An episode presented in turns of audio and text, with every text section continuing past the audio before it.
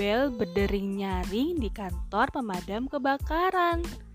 Pak Kapten berteriak, "Cepat, cepat! Kita harus segera berangkat!"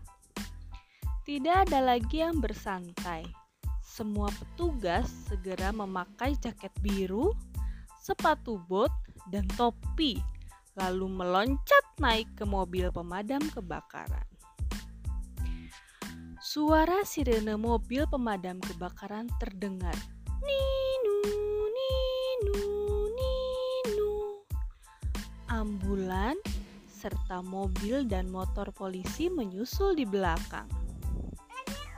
Suara sirine bersahut-sahutan meminta jalan kepada para pengendara mobil lainnya. Minggir, mobil pemadam kebakaran tiba. Ambulans datang. Para petugas pemadam kebakaran segera memasang selang dan menyemprotkan api dengan air. Polisi menutup area kebakaran dengan garis polisi berwarna kuning. Beberapa wartawan melaporkan berita langsung dari lokasi kebakaran. Orang-orang berlarian menyelamatkan diri dari kobaran api. Astaga, ternyata ada salon yang ikut terbakar. Lihat, ada orang yang berlari keluar dari salon dengan rambut penuh roll. Bahkan ada yang rambutnya masih terbungkus handuk.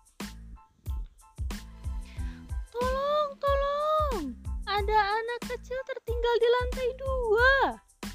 Mendengar teriakan itu, Pak Kapten langsung menjulurkan tangga. Mhm. Dengan sigap dia melangkah naik dan masuk melalui jendela terbuka. Pak Kapten menghilang di balik asap. Semua tegang menanti. Kapan Pak Kapten keluar? Hore! Akhirnya Pak Kapten terlihat keluar dari jendela menembus asap. Dia berhasil menyelamatkan nyawa anak itu. Ibu dokter dan para perawat menyambut anak itu di bawah tangga dan langsung memberikan pertolongan pertama. Uh, selang-selang bersiliweran di sana sini. Udara terasa panas. Orang-orang membantu menyiram air dengan air. Iya, sepatu. Ambulans datang dan pergi, membawa pasien yang butuh perawatan di rumah sakit. Api terlihat mengecil, mengecil, dan mengecil. Mendaat. Untung akhirnya api benar-benar padam. Semua berhasil diselamatkan. Seluruh petugas madam kebakaran bersimbah keringat. Oh, wajah dokter dan perawat kotor.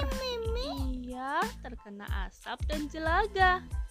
Pak polisi juga tampak lelah.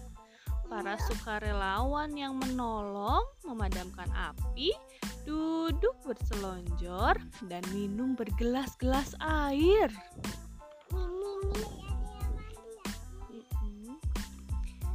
Sirene mobil pemadam kebakaran, ambulan, dan mobil polisi berbunyi nyaring. Oh gitu bunyinya. Miu, niu.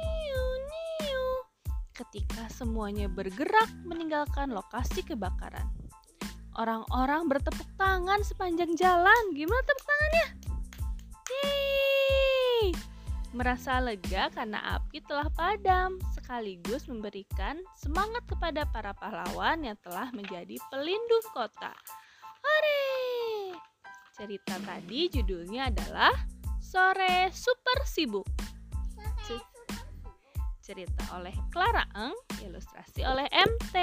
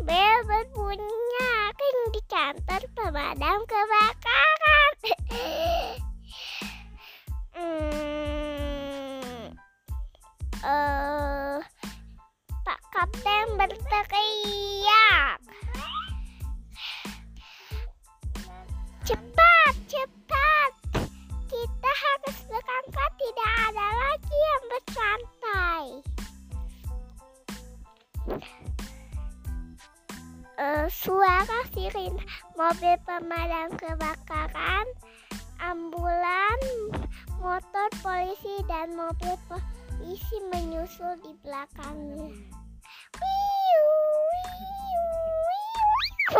Wiu, wiu, wiu, semuanya wiu, wiu, ampun, wiu, wiu, wiu aja wiu, wiu semua.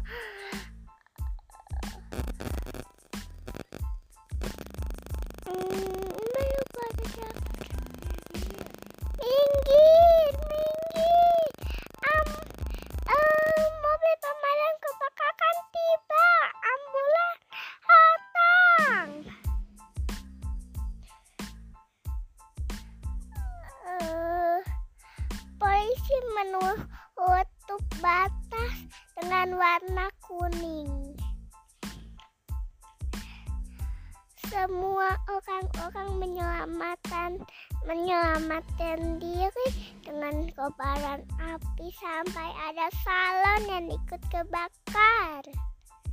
Hmm. Tolong.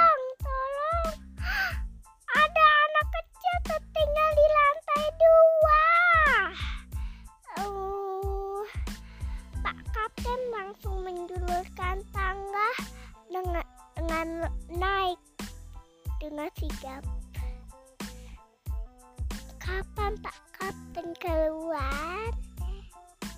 Pak Kapten akhirnya keluar terlihat keluar dari jendela yang kebuk nembus asap menyemati bayi Bu dokter dan para perawat menyambut anak itu di bawah tangga. Orang-orang bernyemprotan di sana sini udah nggak kasar panas. Api terlihat mengecil, mengecil, dan mengecil. Orang-orang merasa haus, capek, dan lelah. Orang-orang juga bertepuk tangan sepanjang jalan.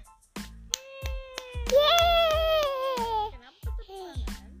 Karena eh, api benar-benar padam.